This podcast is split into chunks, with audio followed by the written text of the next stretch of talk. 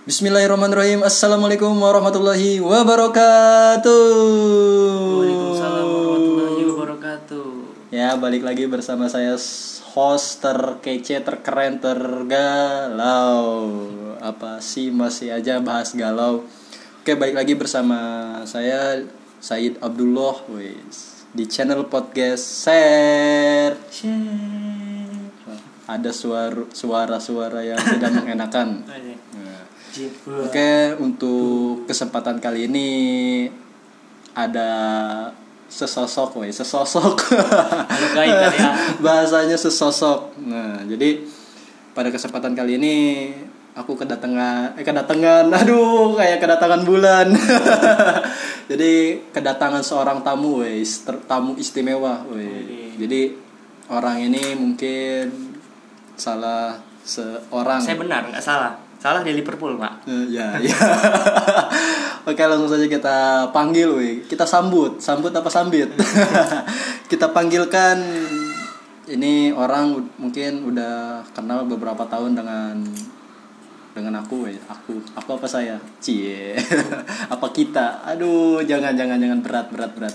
Belum sanggup. Oke, langsung saja kita panggil apa sambut. Ya ini temen-temen dari SMP mungkin ya. Jadi ya silahkan memperkenalkan diri pak. Tolal Albal dulu dong. ya tola albadru. Astagfirullah kenapa boleh ketawa-ketawa ya? Bukan ya Allah ya Allah. Astagfirullahaladzim.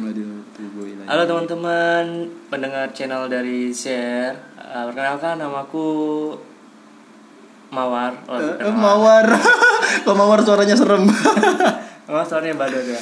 Oke, Iya. namaku eh, Ahmad. Aku teman dari Said Abdullah. Abdullah aja panggil Oh, Abdullah. Abdullah. ya Abdullah Abdullah. Abdullah Apa teman? nama ayahnya Abunda ibundanya. Ya.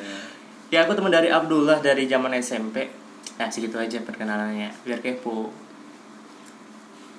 Kan aku kepo kak Kok bisa kenal sih?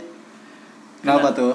Kenalnya ini mungkin suatu hal yang menarik ya. Kenalnya tuh dari zaman SMP yang mana aku tuh lagi mos dia tuh nggak mos gitu kan. Di situlah mulai jengkel sama dia gitu. Hmm, jadi kenal gitu ya. Jadi kenal gitu. Oh ini namanya Said nih tangil banget gayanya gitu kan. Udah mau kecil gitu, hitam gitu kan.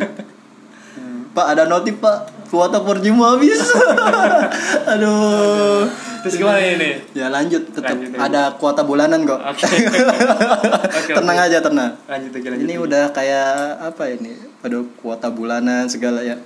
Oke, jadi ini mungkin udah dibilang udah sahabat sendiri mungkin udah kayak keluarga sih Nah, ya. ya kayak keluarga Ya, bu- kayak keluarga tapi nggak berencana. maunya banyak ya Eh, ya. Jadi di sini aku jadi pengen sharing nih. Oke, Ya, oke. Jadi pengen sharing sama Bang Ahmad ya. Panggilnya Bang aja ya, Bang Ahmad. Wes, Mantap kan ya, Bang Ahmad. Jadi kalau mau kenalan nanti cari aja IG-nya atau Telegramnya. Jadi search aja Ahmad gitu ya.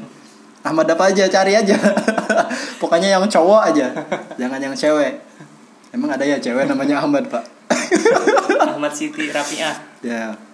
Oke, jadi aku di sini pengen sharing. Jadi hmm, sekarang itu udah banyak fenomena-fenomena wis, cile fenomena ya udah Ya. kayak kejadian ajaib aja gitu kan. Bener. jadi Kejadian udah banyak makan. fenomena-fenomena yang sekarang itu yang lagi banyak di Indonesia mungkin yang di belahan bumi sebelah mana gitu ya. Saya nggak tahu gitu, Pak. Bapak yang lebih paham tentang belahan bumi. oh belahan yang lain sih paham Jangan nih, ini konten anak kecil. Jadi sekarang itu lagi banyak fenomena-fenomena anak-anak muda itu pada hijrah pak. betul betul betul Ya, bapak tahu sendiri kan ya Iya. banyak pokoknya gerakan-gerakan pemuda hijrah itu mulai dari yang namanya sip yang di ketuai Allah ketuai ya, ya. Pokoknya yang dicetuskan oleh Ustadz Hanan Ataki. Tahu kan ya pak ya? Tahu, tahu. yang mirip saya itu pak. Ini mirip saya deh pak. Ya. coba suaranya pak. Jadi ya pokoknya gerakan sip yang keren itu ya pokoknya sip yang pemuda-pemuda hijrah itu. Terus ada yang yuk ngaji terus nah, banyak lah pokoknya BBN ya ya itu kalau BBN itu oh bukan ya ya kalau BBN itu barisan bangun negeri pak oh gitu ya Ya, saya saya pernah ikut pak. Oh, iya, pernah ikut, ya. ini ini nggak nyombong, ngasih tahu. Promosi ya. ya jadi sebenarnya hijrah itu apa sih pak? Menurut pandangannya, Eh, wes. ini menurut secara etimologis atau secara apa ya nih Kalau secara etimologis berarti hi itu apa, jerah itu apa? Oh, iya. Astagfirullah. Jadi ya menurut bapak lah pandangan Oke. hijrah itu apa sih gitu? hijrah itu apa ya lebih kalau menurutku sih kayak lebih dalam bahasa Inggrisnya move up ya bukan move on tapi move up Ah, oke oke. Move Jadi- up berarti move up itu pindah. Pindah. Move, move itu pindah, up itu atas. Nah. Jadi pindah atas gitu. nah pindah atas naik ke genteng gitu pak Eh, Ya. gimana tuh maksud move up itu gimana Nah, pak bener-bener nah kayak mungkin pada zaman sekarang banyak orang melandaskan kalau hijrah itu hanya sekedar move on. Cuma kalau sekedar move on ini sebenarnya salah sih menurutku. Karena kalau move on itu bisa balik lagi pak. Hmm, bisa balik lagi ke tempat itu. Salahnya? Oh salahnya itu tadi. di Liverpool pak. Oh salah. Itu Muhammad salah pak. Aduh. Yang menurutku sih kurang tepat aja kalau misalnya kita eh eh, gue move on nih gue udah move on. Gue hijrah gue move on. Misalkan ya bisa diputus cinta terus move on. Percuma pak Hmm. karena kalau move on itu cuma secara horizontal aja pak Oh, jadi hubungannya itu Sama. hablum minanas Hablum minanas aja, Pak. oh masya Allah jadi ya. hanya mencari pelampiasan aja tapi kalau hijrah ini lebih ke move up vertikal gitu kok aku ngerasa kesindir pak ya Oh, aduh? Oke. lanjut lanjut lanjut kalau hijrah itu move up jadi kayak kita tuh langsung ya minta ampunan sama dan petunjuk sama Allah gitu kan Hmm. karena hubungannya dengan vertikal tapi tetap kita butuh yang namanya hablum minanas juga oh jadi hijrah itu berarti pindahnya ke atas ya Pindahnya ke atas. ke genteng ke genteng Jadi perbaiki hubungan kita sama Allah. Ah. Ya, bahwa sungguhnya kita itu ciptaan Allah ya. Ah, kita itu nggak ada yang buat disombongkan ya di nah, dunia betul ini. itu dia Ya, mau jadi- duitnya berjibun gitu ATM-nya golden atau black Saya banyak pak ATM pak, ATM tapi nggak ada isinya. banyak pak, ada lima kartu pak, ya? nggak ada isinya pak satupun. Aduh masya Allah itu. Nah jadi kalau tadi menurut pandangan dari Pak Ahmad ya hijrah itu gimana? Kalau dari pandangan aku hijrah itu sih sama sih sebenarnya satu pemikiran mungkin kita satu visi wes. Iya. Nah, insya Allah kita pengen bareng-bareng ke surga doain ya teman-teman. Jadi hijrah itu ya itu benar tadi. Mungkin itu pengalaman aku juga mungkin ya pernah mencoba hijrah itu jadi hubungannya itu ya emang udah pindah nih dari satu misalkan dulunya aku ini aktivis pacaran nih pak nih. Oh, iya. jadi kan misalkan putus dari ini malah kita itu pindahnya itu ya bukan memperbaiki hubungan hubungan diri ini sama sang pencipta gitu. Jadi malah nyari ya gitu orang lain gitu. Jadi pengennya itu niatnya itu nyari orang lain itu ya buat bantu kita buat kenal sama itu salah banget gitu Salah kan. Hmm. banget itu sebenarnya malah menjerumuskan kita ke tempat tadi lagi.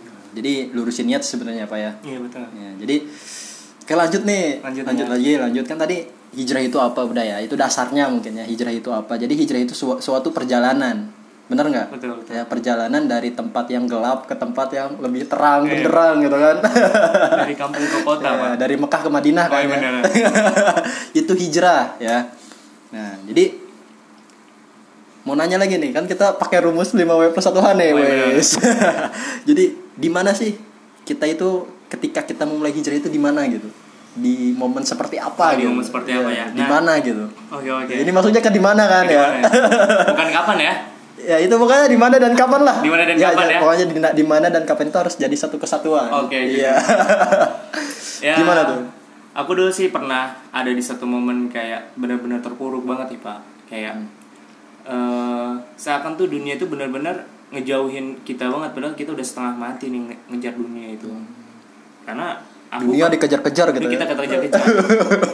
kita setengah mati dari pagi, sore, malam kita nggak ada waktu buat ngejar dunia gitu. Ya, entar, entar. Itu ngejarnya lari apa naik motor? Eh, Pak. Oh, nge-grab. Eh, Eh, tit.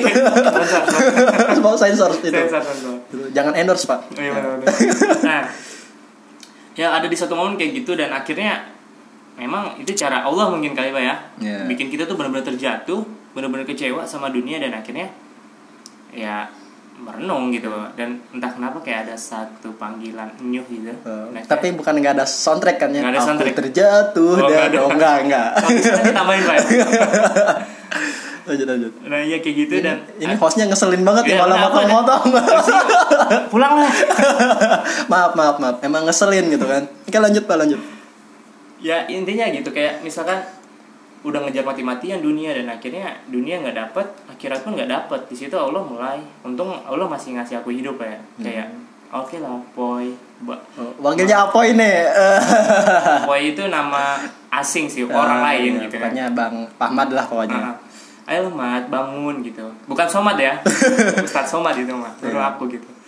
Ayolah bangun jangan ngejar dunia. Padahal aku pernah dikasih tahu sama sahabat aku ini ngapain sih ngejar dunia? Gitu kan. Kita kenapa nggak ngejar akhirat? Padahal kalau ngejar akhirat dunia itu ngikutin. Aku awalnya nggak percaya dan aku ngikutin apa yang ada di pikiran logika aku dan akhirnya ya terbukti gitu dunia nggak dapet akhirat nggak dapet gitu. Kadang kan dunia ini ya emang dunia ini cuma mandang orang itu sebatas dari materi aja pak. Iya betul sih itu. Iya. bener kan? Benar ya ngerasain nggak? Ngerasain ngerasain nggak? banget kan? Itu tuh kayak nyari kehormatan gitu dengan mencari materi gitu. Padahal Allah cuma nyuruh kita sholat doang ya derajat kita naik ya ya ya. segampang itu. Gitu. padahal dunia itu satu tetes loh. Tetes doang ya. padahal akhirat itu luas banget itu lautan loh iya tahu kan laut ya tahu tahu. Pernah ke pantai nggak? Belum pernah pak. Oh pernah. Ya udah nanti kapan-kapan ke danau aja. Eh, jadi terus terus terus. Kapan tuh? Kapan kapan kapan? Nah kapannya ini mungkin bagi semua orang nih berbeda ya. Iya. dulu aku dapat ini tuh karena ketika aku lagi dengar kajian dari Ustadz Abdul Somad dari Ustadz Adi Hidayat dari channelnya atau IG-nya dari Nah- Nahdlatul Ulama dari banyak deh aku banyak-banyak cari-cari dan akhirnya kayak ternyata oh iya iya juga ya kenapa aku kayak gini ngelenceng jauh gitu dan akhirnya Tetot. Iya. Enggak ini bukan lagi kuis Pak, tenang aja, tenang, tenang, santai, Apa ya? selalu. aku mau ngomong apa jangan nangis, jangan nangis. dan akhirnya hidayah itu datang gitu aja gitu loh Allah meridoi orang-orang yang dia ridhoi gitu dan Allah menyesatkan orang-orang yang pengen dia sesatkan Nah, betul itu surat apa sih? Aku Apa lupa. ya? Pernah baca soalnya. Pernah baca ya? Aduh, ini emang banyak maksiat emang Banyak maksiat, Astagfirullah. Surat apa itu? Aku Pokoknya lupa. ada artinya itu pernah saya baca kemarin malah. Kemarin ya? Iya, soalnya baca tuh kan artinya itu Allah itu jadi menghendaki orang-orang yang Allah hendaki gitu. Iya benar. Pokoknya yang memberi hidayah itu ya Allah gitu. Kalau Allah berkehendak buat memberi hidayah itu ya pasti gampang banget. Segampang Tapi banget. Allah juga bakal gampang banget buat nyesatin itu orang. Betul betul. Nah, jadi kita harus banyak-banyak bersyukur ya. Iya, makanya ayo terus memperbaiki diri. Lanjut lanjut, ada unak-unak lagi mungkin? Mungkin itu menurut Bapak gimana tuh, Pak? Kalau dari cerita Bapak sendiri tuh. Oh, saya nggak punya cerita. Hidup kemarin, ya? Iya, baru hidup kemarin, alhamdulillah. Jadi baru terlahir kembali, masya Allah. Jadi kalau story dari aku sih sebenarnya itu kalau mungkin dari tadi sudut pandangnya itu dari mungkin ngejar dunia ya. Dari dari Bang Ahmad itu dia lebih ngejar ke dunia. Sama sih aku juga hidup di dunia gitu kan. Bukan di Bekasi ya, mungkin aku lebih ke menikmati dunia mungkin ya jadi di situ ya mungkin aku dari sisi dari aktivis perpacaran mungkin ya. Yang anak muda sekarang jalanin mungkin yang digandrungi lah. Jadi aku tuh di mana ketika memulai hijrah dan kapan hijrah itu jadi di suatu momen itu ya aku disakitin gitu. Pokoknya uh uh cokit cokit. jadi ngerasa hati itu sakit. Pokoknya di situ ada suatu ketika bilang ke diri sendiri gitu. Ibu sendiri aja nggak pernah gitu nyakitin hati ini gitu. Kok orang lain itu gampang banget sih nyakitin gitu. Di situ mikir gitu. Di situ malah yang keinget itu malah ibu gitu yang bikin yang bikin air mata ini turun cie. Bisa nangis pak. Ya? iya mukanya yang serem. Itu yang keinget keinget itu sama ibu gitu ibu ibu gua aja, weh gua kan ngomongnya sadis banget. Ibu, ibu aku aja nggak pernah, ya pokoknya ibu aku aja nggak pernah gitu bikin aku sampai sakit hati seperti ini gitu. Kok ini orang lain yang entah itu Dari mana? ya munculnya dari planet mana dengan gampangnya ya begitulah teman-teman. Jadi kalau kita berharap sama manusia itu ya emang sakit gitu Iya betul, Pak. ya jadi intinya berharaplah hanya sama Allah Subhanahu Wa Taala gitu asli itu kerasa banget sih. Jadi pas kapan aku hijrah itu ya itu. Jadi berada di titik terendah semuanya juga. Pasti kalau sudah berada di titik terendah itu akan muncul pertanyaan-pertanyaan dasar sebenarnya pak. Oh iya. ya kita itu mau ngapain sih di dunia gitu. Iya, betul, betul, betul. balik lagi ke situ. Mau jadi aku aja gitu ya? ya jadi aku mikir gitu. Sebenarnya yang punya semuanya ini tuh siapa sih gitu? Di situ gitu. Oh iya semua yang mempunyai ini Allah gitu terus ngapain kok kita ngejauhin sama Allah gitu padahal kalau kita dekat sama Allah insya Allah insya Allah gitu kan Astagfirullah. jadi ya ikhlas aja karena Allah gitu Betul, jadi betul. pasti segala sesuatu kita ikhlas karena Allah pasti Allah ganti dengan yang jauh lebih baik gitu. Betul, di situ mindset aku gitu Hmm. Nah, jadi itu pandangan aku pak. Nah, jadi udah kejawab ya. Jadi di mana dan kapan kita harus hijrah. Nah, di sini ada lagi pak. Apa nih? Lanjut nih, kan masih ada tiga lagi nih. Tenang, masih. Ini soalnya pengen bikin apa nih? Apa nih? Aduh. Nah, Baru tenang tenang. Ini baru 15 menit. Tenang pak. Kita bikin setengah jam. Durasi panjang. Oke lanjut. Nah, kita bahas tentang siapa sih yang harus hijrah itu siapa gitu? Siapa gitu? yang harus hijrah ya? Iya pertanyaannya. Yang harus hijrah siapa ya? Siapa? Siapa coba? Bang Abdul atau Bang Ahmad nih? Hah? Kira-kira siapa? Aku dulu deh. Ya, ya. Sok Bang Ahmad dulu aja lah. Eh. sebenarnya yang harus hijrah sih ya sebenarnya kita kita sendiri dulu gitu loh kayak kita nggak perlu musingin orang lain ya sebelum kita benar-benar udah cozy gitu sama hijrah karena kenapa kadang eh, yang aku lihat apa ya dan aku rasakan gitu kayak di diri aku sendiri eh, fenomena hijrah ini aku cozy-nya di satu bulan atau di bulan pertama tapi Iya. setelah itu ya udah Apa? baik lagi gitu, ke masa-masa kelam artinya ya Jahiliyah gitu kan. Jahiliyah ya jangan Pak, istiqomah Pak. Istiqomah. Nah itu dia, jadi kita harus memulai hijrah tuh ya dari diri kita sendiri Tapi kita juga harus punya temen Nah, itu Pak, penting itu, temen tuh penting. Makanya perbanyak teman hijrah, Pak. Ya, bikin komunitas sana. Hijrah. Da- daerah kita apa sih namanya? Jangan disebut ya. Iya, pokoknya ah nanti kepo nanti kalian pada datang lagi. ya, lanjut. Ya intinya ya gitu sih sebenarnya kayak mulai dari diri sendiri dulu. Ketika kita udah cozy, kita udah ngerasain hal positif dari hijrah kita Kita ngajak temen. Sebisa mungkin kita ngajak bareng-bareng. Karena ya kita nggak tahu gitu kan siapa yang ke surga siapa yang neraka kan kalau misalkan kita ngajak teman ternyata teman kita ke surga terus kita nggak ke surga kan kita bisa diingat sama teman kita Emang mau nginget, Pak? Sih, Pak. ya semoga aja pak ya, gitu Pak. berdoa aja lah. Eh, jadi wasilah kita ke surga Iya, kan gitu pak Iya. Nah, kalau menurut Bang Abdullah nih gimana nih? Ini pendek banget ya jawabnya. Aduh. pendek aja Gimana sih ini? Emang belum mantep ini hijrahnya nih harus ditatar lagi nih. Aduh. nggak kayak siapa kali. Saya juga sama sih ya. Jadi kalau pertanyaan tentang siapa yang harus hijrah itu mungkin kalau menurut menurut aku ya pandangan semua umat muslim mungkin ya. Semua um- umat umat muslim itu harus hijrah gitu. Yang ngerasa dirinya itu jauh sama Allah gitu. Ya. Jadi ya oke lah kita mikirin diri kita dulu lah. Itu benar gitu. Perbaiki diri tapi sambil kita memperbaiki diri ini kita jangan lupain gitu bahwa di luar sana banyak teman-teman kita yang butuh hijrah gitu ya buat apa kita kita kita hijrah tapi seorang diri gitu? Memang sendirian itu membuat kita berjalan lebih cepat gitu. Wis. Kayak apa ya? tapi kayak kayak kata-kata Ustad Ustad Bimar. Ya ya makasih ya katanya Ustad. Semoga Ustad nggak denger gitu kan. Jadi intinya kalau kita hijrah cuma sendirian itu sama aja kayak kita dapat kebaikan buat diri sendiri gitu. Buat apa gitu? Bukankah kita harus menebar kebaikan mengajak teman-teman kita yang istilahnya dia itu belum sadar gitu akan adanya mungkin mereka percaya Allah gitu tapi mereka belum bener-bener yakin adanya Allah deh. Ah betul betul. Ya, soalnya kita punya teman kan ya? Iya, ya beneran. punya punya teman yang ya pokoknya oke lah urusan dunianya mereka itu kerja ya kerja ya mungkin ya gajinya lumayan lah gitu kan buat modal nikah gitu kan. Kok nikah ini ngebahas kan? Ya kita ya emang udah usia mau nikah mungkin ya doain aja. Doain aja. Ya, semoga semoga ada rezekinya. Tahun ini saya Pak doain aja. Amin.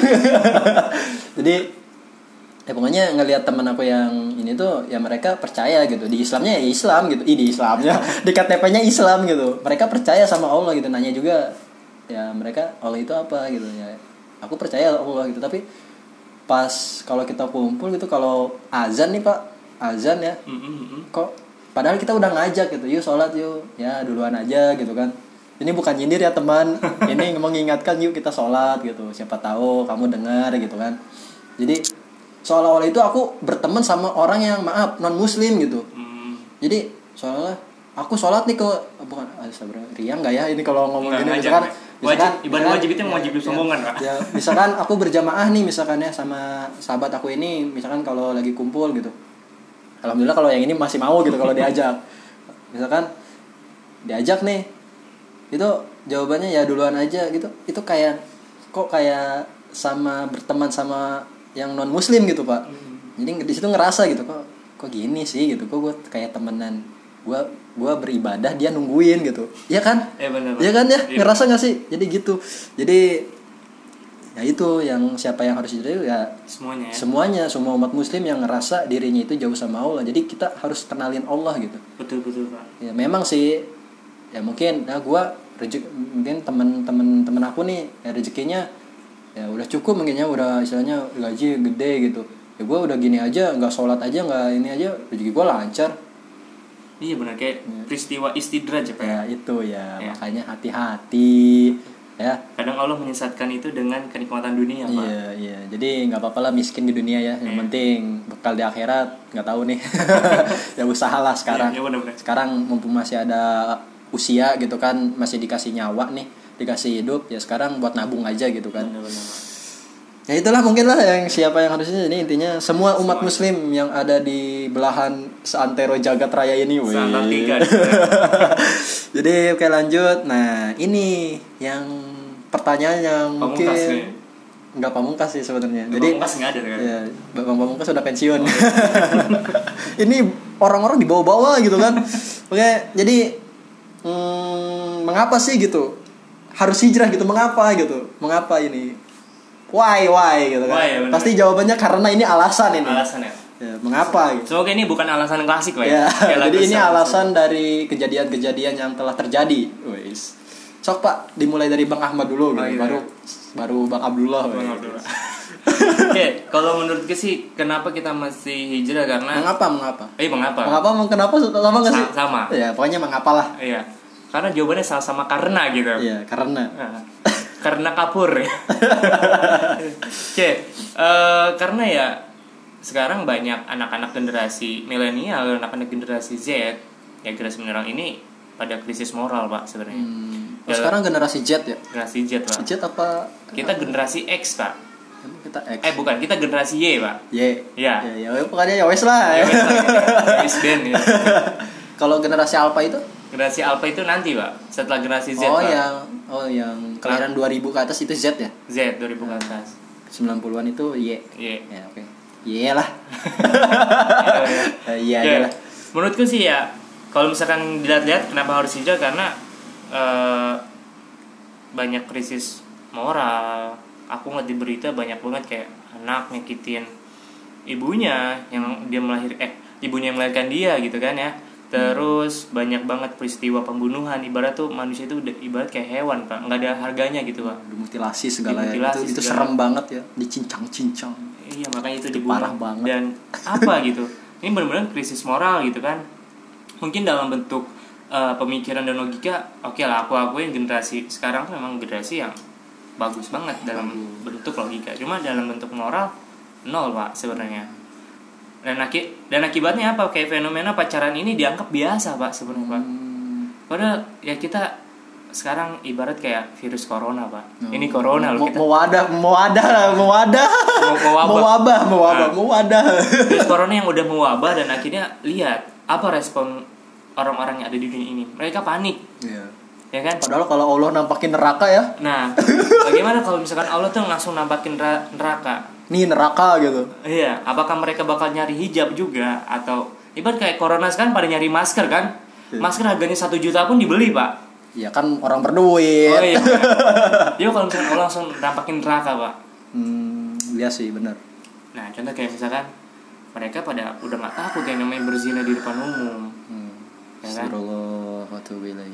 Terus ya, Ya. pacaran dianggap biasa padahal itu apa ya pak padahal pacaran gitu Padahal pacaran, aku pacarannya islami kok aku ngingetin sholat Iya. ngingetin ngaji kita ngaji bareng ya Hello sis, halo guys, nggak gitu juga keles. ya ya ya ya ya Menurut gue sih gitu pak. hmm, Emang jadi harus karena krisis moral. hmm, karena itu kalau menurut aku ya jadi mengapa kita itu harus hijrah ya karena mungkin karena Jawabannya harus beda pak ya. Eh, harus beda nih jadi sama sih sebenarnya. Ada suara ayam nggak? Nah itu ayam. Jadi karena jadi karena gitu kan. Karena hijrah itu ya penting gitu. Jadi buat kita jadi pribadi yang lebih jauh lebih baik lagi gitu. Nah itu ayam lagi gitu. Ayam siapa mungkin kan? Itu minta dicincang-cincang lagi kan. Itu aku ini aduh kalau ngedenger ayam itu udah banyak banget gitu stigmanya gitu kan. Lanjut lagi ke mengapa harus hijrah. Aku bingung nih pak. Kenapa, kenapa ya? Jadi mungkin udah banyak disakitin mungkin ya. Iya. karena udah ngerasa ya itu jauh dari Allah gitu. Selama ini kenapa harus hijrah itu? Mungkin aku ini Islam gitu tapi aku ngerasa aku nggak benar-benar kenal Islam deh. Jadi aku ngerasa mengapa harus hijrah? Ya itu karena itu karena aku aku itu aku Islam dan aku harus bener-bener Islam gitu Betul, Pak. Bukan Islam turunan pak ya. iya jadi ya gua gua Islam gitu bukti gua Islam itu ngapain sih gitu Nah betul. itu pengen ngebuktiin gitu bukan "Ah, ini gue Islam tapi pas dipanggil sholat nggak sholat gitu Nah itu pak.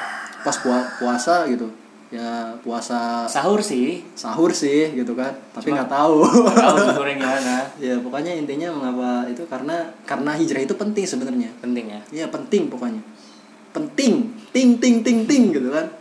Apalagi buat kaula muda yang sekarang menganggap tadi pacaran itu hal yang biasa gitu. Tapi dari mantan yang pacaran nih yang udah mantan cowok bejat mungkin ya hati-hati ya terutama buat para akhwat laki-laki normal itu nggak cukup kalau nggak ngapa-ngapain pak Iya benar pak. ya Karena apalagi kalau udah dewasa pak ya. ya itu soalnya usia usia umuran pokoknya akil balik lah ya Hmm. pokoknya udah masa-masa apa sih bapak guru biologi kan pak ya Pubertas pubertas. ya makanya pokoknya pubertas itu udah masa-masanya buat bereproduksi pak ya Iya betul betul. pokoknya gitu jadi ya itulah apa sih namanya hormon apa sih namanya Testosteron. ya itu pokoknya itu kayak kegairahannya mungkin ya, Ya. itu kayaknya makanya ngelihat ini aja itu kata menteri KPI aja gue berenang sama Oh. jenis itu bikin hamil ya Bikin Pak. hamil, Pak. itu ngeri banget gitu gimana caranya gitu Itu sih nggak logika gitu pak.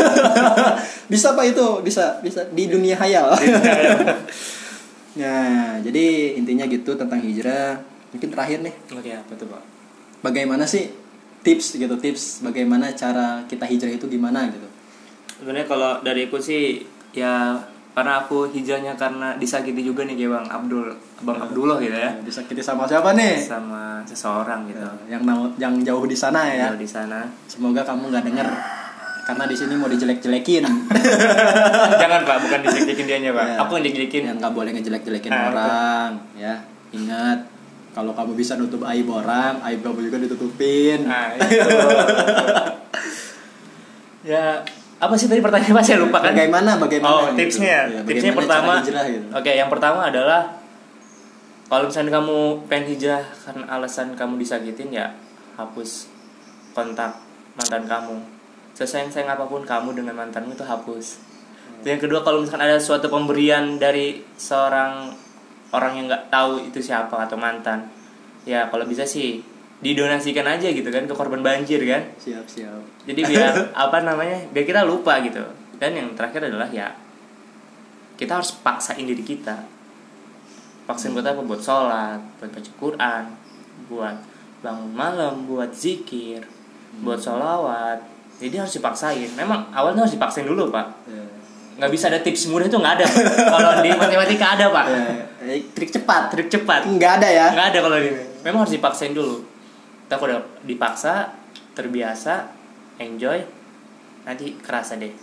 Tinggal istiqomah mungkin ya. Tinggal istiqomah. Ya, dan aku nih belum istiqomah dan aku juga masih berjuang buat istiqomah. Ya, semoga istiqomah pak. Ya, semoga ya. kita pejuang istiqomah pak. Eh bener ya sama-sama. Oke jadi eh, itu ayam lagi gitu kan. Itu ayam siapa sih?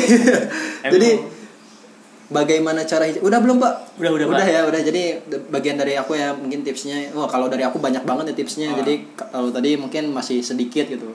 Jadi nambahin mungkin ya. Tadi betul tips hijrah itu mungkin dari awal tips hijrah itu pertama sih pak yang harus kita peka itu pak. Sama kode Allah. Oh pada Allah ya, ya kode kode. Allah itu sering ngodain kita gitu. Itu kode itu hidayah pak sebenarnya. Nah di situ bagaimana cara kita buat menjemput si hidayah itu gitu? Di stasiun atau di bandara gitu pakai masker apa enggak gitu, Oh, kan. gitu ya. takut kena virus corona. Covid 19 eh covid 9 ya, ya jadi si hidayah eh, si hidayah lagi. Jadi hidayah itu mesti kita jemput gitu. Kalau kitanya nggak peka ya susah gitu buat kita berhijrah gitu. Susah banget asli. Sama. Pas itu aku ini pengalaman aku ya pas aku berhijrah itu jadi tipsnya aku disakitin nih. Jadi di situ ngerasa mikir oh Allah mungkin ini kode dari Allah gitu. Ayo id.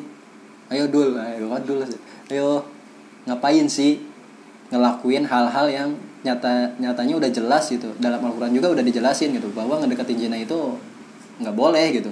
Dilarang haram gitu. Tapi kok lu ngelakuin sih di situ? Di situ mikir gitu. Oh iya ya mungkin Allah marah gitu. Bukan mungkin bener emang bener gitu Allah marah. Di situ ngerasa oh ya Allah di situ udah ngerasa pokoknya pokoknya di situ langsung ngelakuin sholat taubat gitu. Walaupun ya emang susah banget ngehindarin hal-hal yang itu emang ujiannya itu sih sebenarnya buat balik lagi. Tapi di situ ngerasa lagi nampar lagi gitu. Tetap hijrah itu emang harus tetap jalan nggak berhenti. Nggak boleh berhenti. Nah itu sama halnya istiqomah gitu kan. Nah terus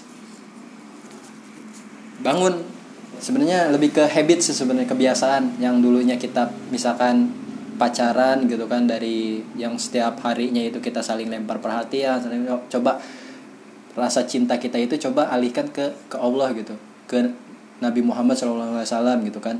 Coba kepoin biografinya Rasulullah gitu. Betapa sama aku juga awalnya apaan sih gitu. Setiap harinya ngebucin gitu kan setelah nggak pacaran setelah ini aku ngepoin sirohnya Nabi Muhammad gitu. Pas kelahirannya aja itu udah bikin oh, masya Allah gitu. Itu bercahaya gitu kan. Pas keluar itu bercahaya itu masya Allah. Umur segitu aja udah ya pokoknya kenalilah Nabi Muhammad gitu kan. Pokoknya itu sebaik-baiknya tauladan kita gitu. Nggak ada yang lain lagi apa apalagi opa-opa Korea gitu kan. Yang plastik gitu. Jadi bagaimana hijrah itu jadi awalnya itu peka sama kode Allah sebenarnya. Itu yang paling penting Hmm, yang kuncinya sebenarnya. Kunci golden time guys. Tuh, bro? Eh, nggak tahu. Golden time itu golden itu emas time itu waktu. Waktu emas. Beli emas ya? Ya waktu beli emas buat mahar gitu kan. Buat seserahan gitu. Oke mungkin itu aja pembahasan kita tentang hijrah ya. Jadi terima kasih nih pak. Aduh, udah sama-sama, kita sering-sering di kesempatan ini. Aku juga baru ada waktu nih. Jadi so sibuk gitu kan orangnya gitu. Padahal ya rebahan gitu kan. Nggak nggak nggak rebahan gitu pak. Yang intinya waktuku insya Allah produktif untuk agama ini dan untuk bangsa ini gitu. Jadi intinya jangan lupa berkarya. Siapa tahu setelah berkarya kan umur nggak ada ya. Jadi karya kita bisa dikenang ya jadi gitu umur kan nggak ada yang tahu Oke mbak, terima kasih ya. Jadi sana pulang pak. Pulang, Pak. Maaf nih, jadi ngusir ini. Padahal di rumah dia sendiri gitu. Oke, jadi itu semoga bermanfaat. Jadi pokoknya jadi inti pembicaraan kita hari ini yuk hijrah gitu. Jadi hijrah itu mudah tapi istiqomah yang luar biasa yang sulit gitu kan, butuh perjuangan. Hijrah itu mudah, yuk makanya kita hijrah. Hijrah aja dulu gitu. Baru deh istiqomah cie. Keren kan slogannya? yang buat nama istiqomah ditunggu ya Iya, ya kamu. Oke, udah cukup lah ya. Daripada kita panjang lagi gitu kan ini udah lumayan gitu. Pendengar juga mungkin bosen. Oke, cukup sekian dari kita. Saya Oke, kita undur diri. Saya Abdullah. saya Ahmad Apain? Ya. Wabillahi taufiq wal hidayah. Wassalamualaikum warahmatullahi wabarakatuh. Dadah. Cie cie cie cie. Gua kerekam, Pak.